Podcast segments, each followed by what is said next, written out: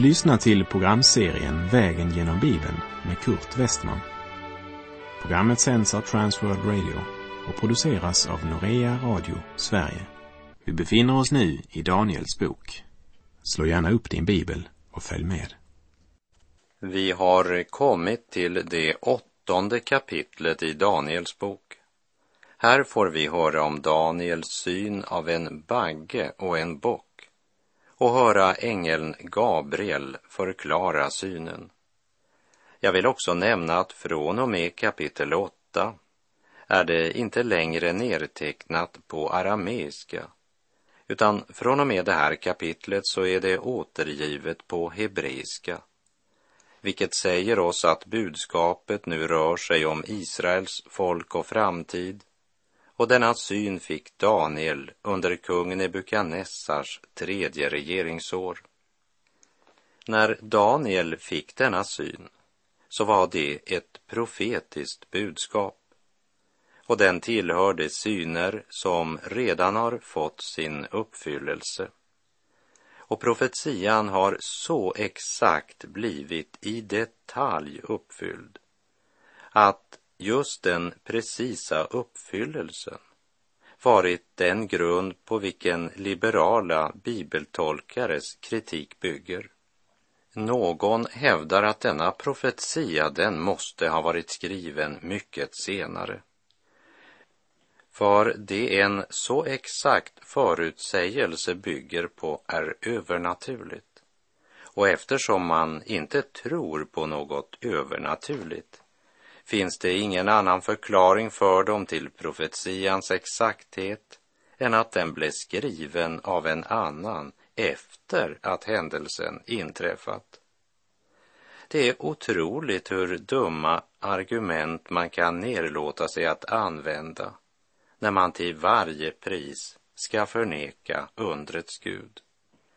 För min del säger jag bara att Daniels bok är skriven av profeten Daniel och jag tror bokens vittnesbörd.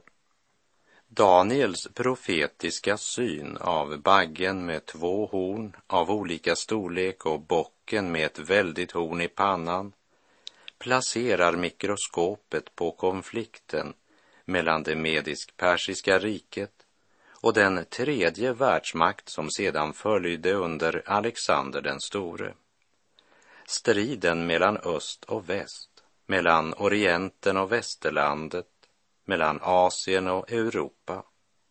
Det handlar om maktkampen mellan det medisk-persiska riket och det grekisk-makedoniska imperiet. Synen innehåller även ett annat litet horn som redan har uppfyllts genom Antiochus Epifanus den fruktansvärde förföljaren som judarna kallade den judiska historiens Nero. Och jag påminner än en gång att de föregående kapitlen var skrivna på arameiska, som var Syriens modersmål och ett världsspråk för dessa fyra stora imperier. Men här i kapitel 8 är språket åter hebreiska vi läser Daniel kapitel 8, vers 1. I kung Belsassars tredje regeringsår såg jag Daniel en syn efter den jag först hade sett. Belsassar var den sista kungen i stormakten Babylon. Synen Daniel hade i kapitel 7 var under Belsassars första regeringsår och denna syn den kom under Belsassars tredje regeringsår, vilket betyder att båda dessa profetsyner kom när Babylons rike närmade sig slutet. Vi läser vers 2. När jag betraktade denna syn såg jag mig själv i Susans borg i hövdingdömet Elam. I min syn såg jag att jag var vid floden Ulai Susan var en stad på slätten mellan floderna Kersha och Karun i den östra delen av Eufrat-Tigrisdalen, cirka 240 kilometer norr om Persiska viken. och den var huvudstad i det medisk-persiska riket. Ulai är floden Kersha i närheten av Susan. Orsaken till att denna syn föregår i Susan och inte i Babylon är därför att denna profetsyn gäller det andra och det tredje världsrikena som ska komma. Och det Daniel såg i denna syn blev uppfyllt innan det hade gått 200 år. Så synen var inte suggestion eller svärmeri, det var en uppenbarelse från Gud. Vi läser vers 3. När jag såg upp fick jag se en bagge med två horn stå framför floden. Och båda hornen var höga, men det ena var högre än det andra. Och det som var högre sköt upp sist. Baggen med de två hornen är Mediens och Persiens kungar. Och den förklaringen får vi i vers 20. Så står det att det som var högre sköt upp sist.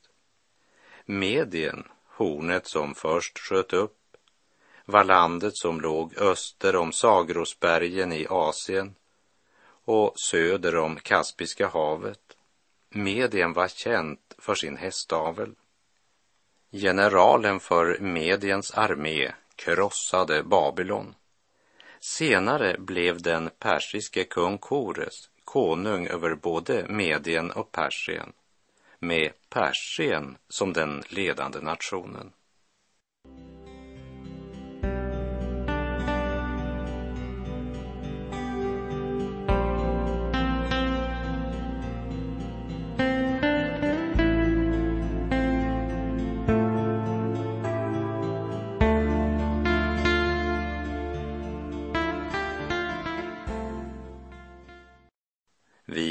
Läser i profeten Daniel kapitel 8 och vers 4. Jag såg baggen stöta med hornen västerut, norrut och söderut, och inget djur kunde stå honom emot, och ingen kunde rädda något ur hans våld. Han for fram som han ville och blev mäktig. Han stötte med hornen västerut, norrut och söderut, men alltså inte österut. För där låg det mäktiga persiska riket som snart skulle växa sig starkare och större än Medien. Och det samlade medisk-persiska riket var det rike som i Daniels syn i kapitel 7 utgjordes av björnen. Vi läser kapitel 8, vers 5. När jag funderade på detta, se då kom en bock västerifrån. Han hade ett väldigt horn i pannan och gick fram över hela jorden, dock utan att röra vid marken. Bocken representerar Grekland och de väldiga hornen Alexander den store. Den persiske kungen hade planer om att också vända sina stridskrafter mot väst. Men från väster kom denna bock som färdades så fort att han inte rörde vid marken. Han for fram som en stormvind. Och det var just detta rike som i synen med de fyra djuren beskrevs som djuret som liknade en leopard men som på sidorna hade fyra fågelvingar och som representerar Alexander den stores rike. Vi läser Daniel 8, verserna 6 och 7. Jag såg honom komma ända in på baggen och rasande störta sig över honom. Och han stångade baggen och krossade hans båda horn så att baggen inte hade någon kraft att stå emot honom. Sedan slog han honom till marken och trampade på honom och det fanns ingen som kunde rädda baggen ur hans våld. Ahasveros, han var den sista stora härskaren i Persien och han vände sig mot Grekland med en armé på 300 000 män plus deras familjer. Men grekerna var smarta De gick inte ut för att möta honom. Istället väntade de till han kom till ett pass som var smalt och trångt och där den vältränade och lokalkända makedonisk-grekiska armén decimerade den persiska armén efterhand som de passerade det trånga passet, några få soldater åt gången. Och när Ahasveros flotta på 300 skepp ödelades av en storm så var slaget förlorat.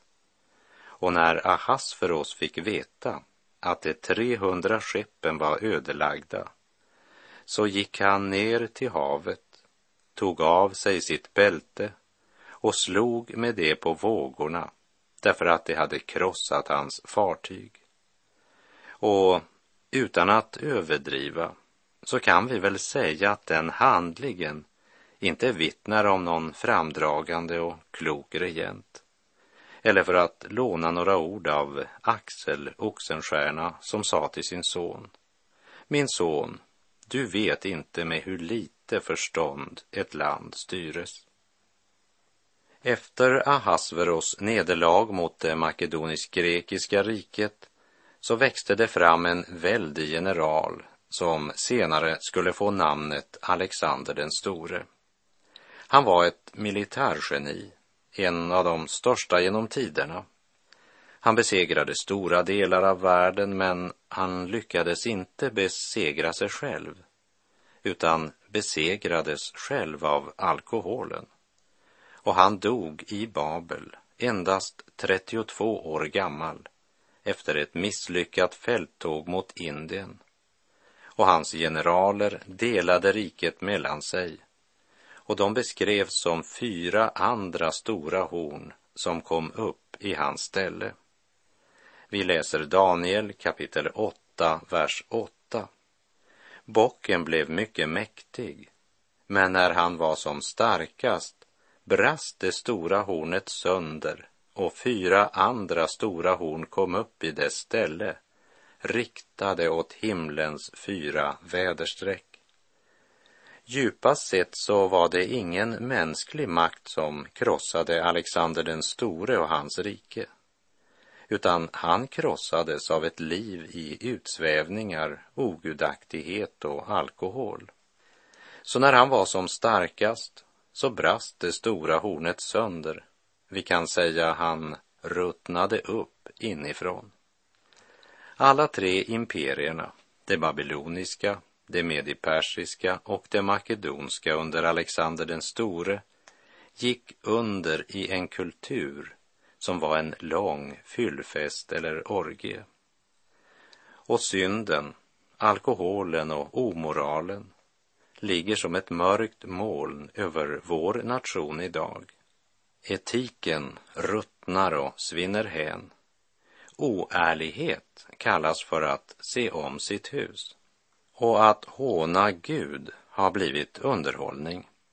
Allt präglas av att denna tidsålders Gud har förblindat människornas sinnen så att de inte ser ljuset som strålar ut från evangeliet. Och detta är domen. Ljuset kom till världen och människorna älskade mörkret och inte ljuset eftersom deras gärningar var onda står det i Johannes 3.19. Alexander den store gick under därför att han var alkoholist. Han besegrade världen men lyckades aldrig besegra Alexander den store. När han var som starkast brast det stora hornet sönder och fyra andra stora horn växte upp i hans ställe. När Alexander dog delades riket mellan fyra unga män som i Daniels syn i kapitel 7 symboliseras av djuret som liknade en leopard och som hade fyra huvuden. Och de fyra generaler som delade Alexander den stores rike, det var för det första Kassander, som var gift med Alexanders syster och han tog den europeiska delen med Makedonien och Grekland.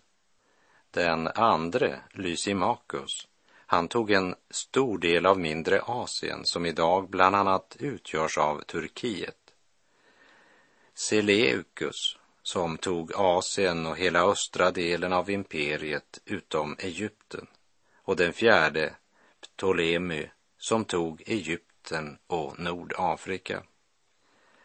Och det är väl värt att tänka över att Alexander den store blev krossad när han var som starkast. Han besegrades av en inre fiende.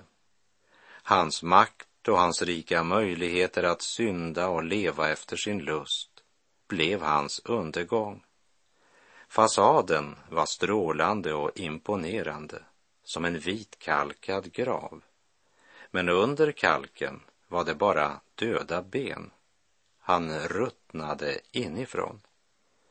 Det får oss att tänka på vad Jesus sa till fariseerna i Matteus 23, vers 27.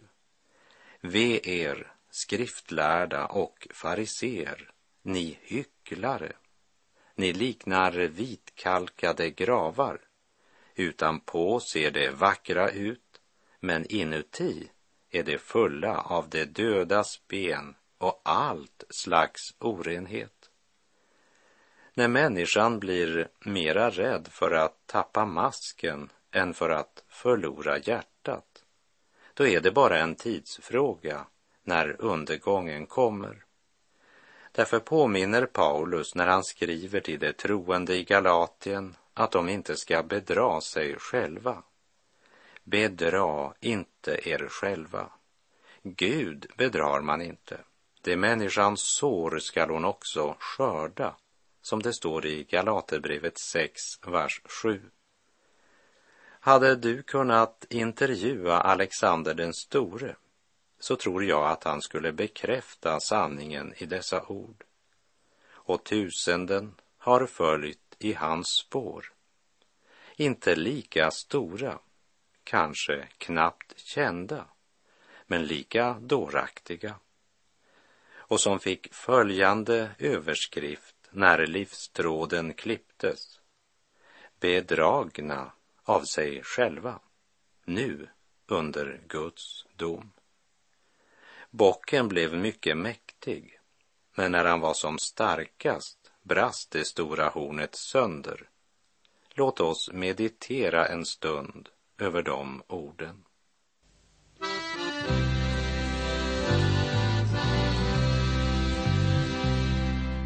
Från himmelen kommer du. Bered dig att möta Gud. Ett hem är berett oss i himlens sal Skall du där bli med bland de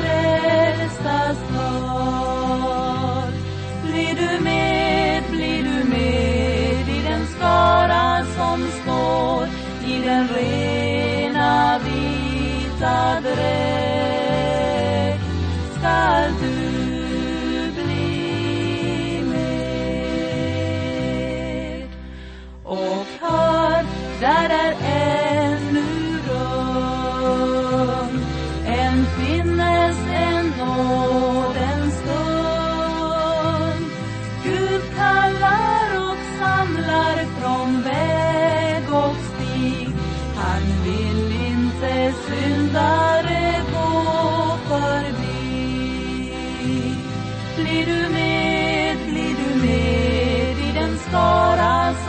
står i den rena vita dräkt skall du bli med. Gå in genom nådens port och mottag det Gud har gjort.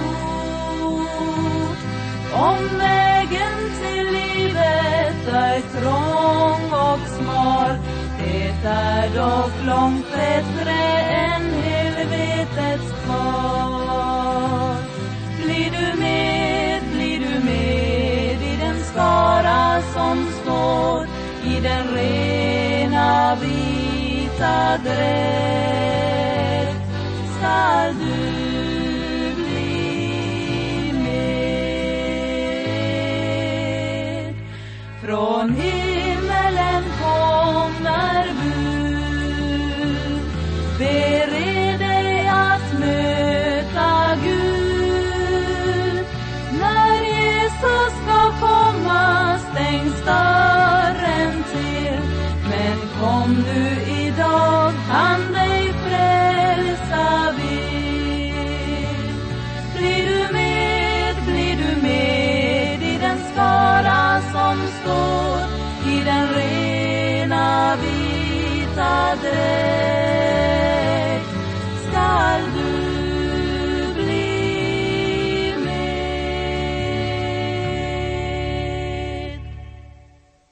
När Alexander den store dog kom fyra andra stora horn upp i hans ställe, läste vi i Daniel 8, vers 8. Och vi läser vidare i vers 9. Från ett av dem sköt ett nytt litet horn ut, som växte till kraftigt mot söder och mot öster och åt det härliga landet. Det härliga landet är Israel och det lilla hornet vi här läser om, det är inte detsamma som det vi läste om i kapitel 7. För där reste sig ett litet horn ur det fjärde riket. Här talas om ett litet horn som växer fram ur det tredje riket.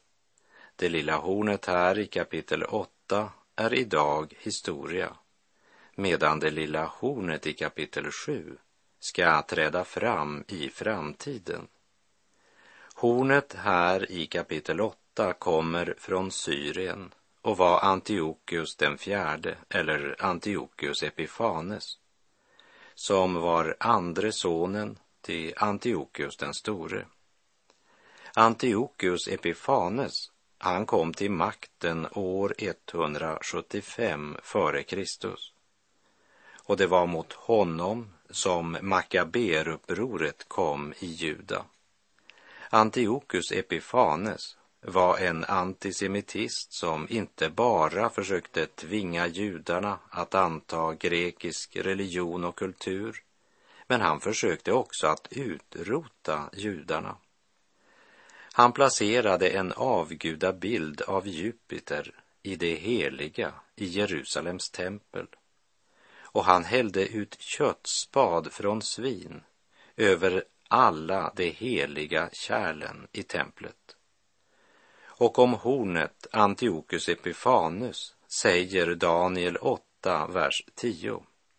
Det växte ända upp till himlens härskara och kastade några av denna härskara och stjärnorna ned till jorden och trampade på dem.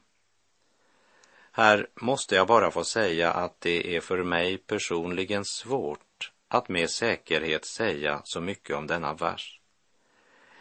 Men att det rör sig om en andlig strid och sataniska makter ligger nära till hands att tänka. Och vi förstår varför han också kallas för Gamla testamentets antikrist. Genom sin fiendskap mot Gud, sin motstånd mot Gud och hans folk, så är Antiochus Epifanes i tiden strax innan Jesus kom till jord en gammaltestamentlig förebild till Antikrist som ska stå fram strax innan Jesu återkomst. Och här är det viktigt att komma ihåg att orsaken till att Gud tillåter denna tyrann att vanhelga templet och förhindra det dagliga offret det var på grund av det andliga avfallet i Israel. Det är konsekvensen av att Guds utvalda folk har vänt Gud ryggen och ogudaktigheten hade vält fram som en våg bland det folk som skulle vara helgat Herren. Folket hade börjat leva som hedningarna och nu får de det de önskade fullt ut. Hedendom och synd övertar templet. Man skördar vad man har sått. Profeten Hosea säger i Hosea 8, vers 7. Ty vind sår det och storm skall det skörda. Och när det i vers 12 talas om en härskara så talar det i andlig mening om Herrens heliga, det utvalda som kallats att leva i Guds fruktan och helgelse, men som vänt honom ryggen. Vi läser Daniel kapitel 8, vers 11 och 12. Till och med mot härskarans förste företog det sig stora ting och tog bort ifrån honom det dagliga offret och platsen där hans helgedom stod förstördes. Tillsammans med det dagliga offret blev också en härskara prisgiven för överträdelsens skull och hornet slog ner sanningen till jorden och hade framgång i vad det företog sig. Prisgiven för överträdelsens skull Låt oss meditera lite grann över de orden till dess vi hörs igen. För nu är vår tid ute för den här gången och jag säger bara på återhörande, om du vill. Säg till Herren, döm mitt hjärta här i tiden, innan världen döms av dig. Och när tiden är förliden i ditt domslut fria mig. Herren vare med dig. Må hans välsignelse vila över dig. Gud är god.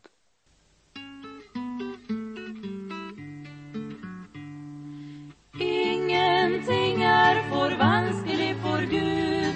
Tack och lov för det. Det som han har sagt, det har han lovat oss då vid. Tack och lov har läst i Bibeln om mange store under når Gud visste sin härlighet. Den som all sin dag var syk blev frisk upp på sekunder.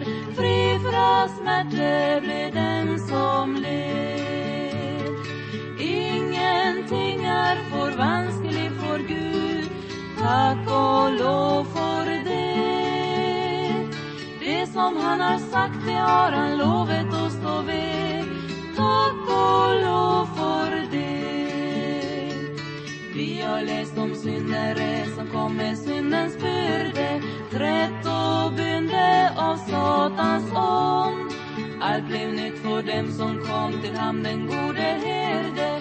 Frälste blev vi från syndens bond. Ingenting är för tack och lov för det. Det som han har sagt, det har han lovat oss då vid. Tack och lov för det. Tränger du en vän som han och hjälper dig i nöden, lika mäktig han är idag. Han har kämpat kampen för oss, rätt över döden. Han är stark, selv om du är svag. Ingenting är för Gud. tack och lov för det. Det som han har sagt, det har han lovet att stå vid. Tack och lov för det.